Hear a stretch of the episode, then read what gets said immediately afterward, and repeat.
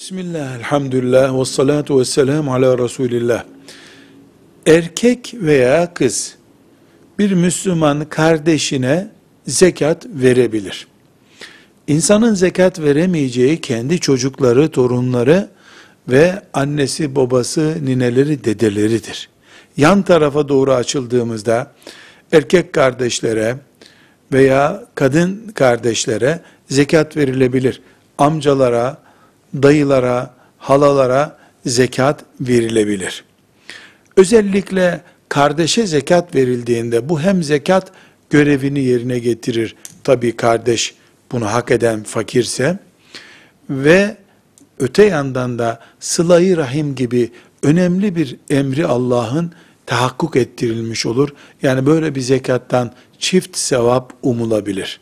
Velhamdülillahi Rabbil Alemin.